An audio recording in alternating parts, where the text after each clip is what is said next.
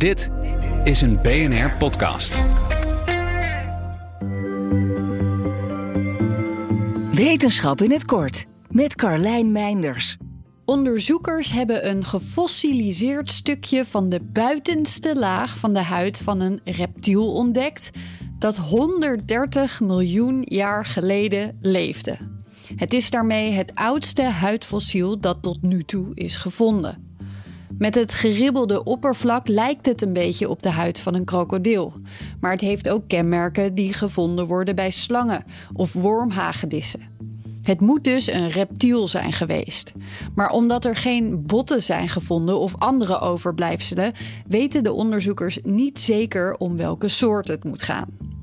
Het vinden van restanten van deze laag van de huid, ook al gaat het in dit geval maar om een heel klein stukje, niet groter dan een vingernagel, geeft belangrijke informatie over de evolutie van dieren.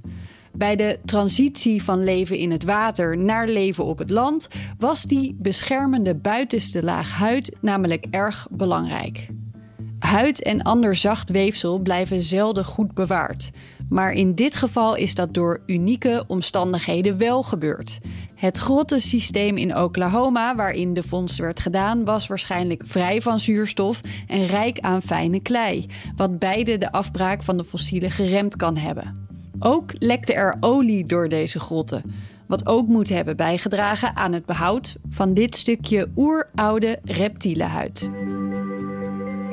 Wil je elke dag een wetenschapsnieuwtje? Abonneer je dan op Wetenschap vandaag. Luister Wetenschap vandaag terug in al je favoriete podcast-apps.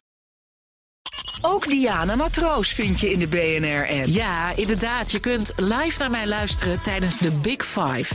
Ook handig in de BNR-app. Breaking nieuwsmeldingen, maar ook het allerlaatste zakelijke nieuws. En je vindt in de app alle BNR-podcasts, waaronder Wetenschap vandaag. Download nu de gratis BNR-app en blijf scherp.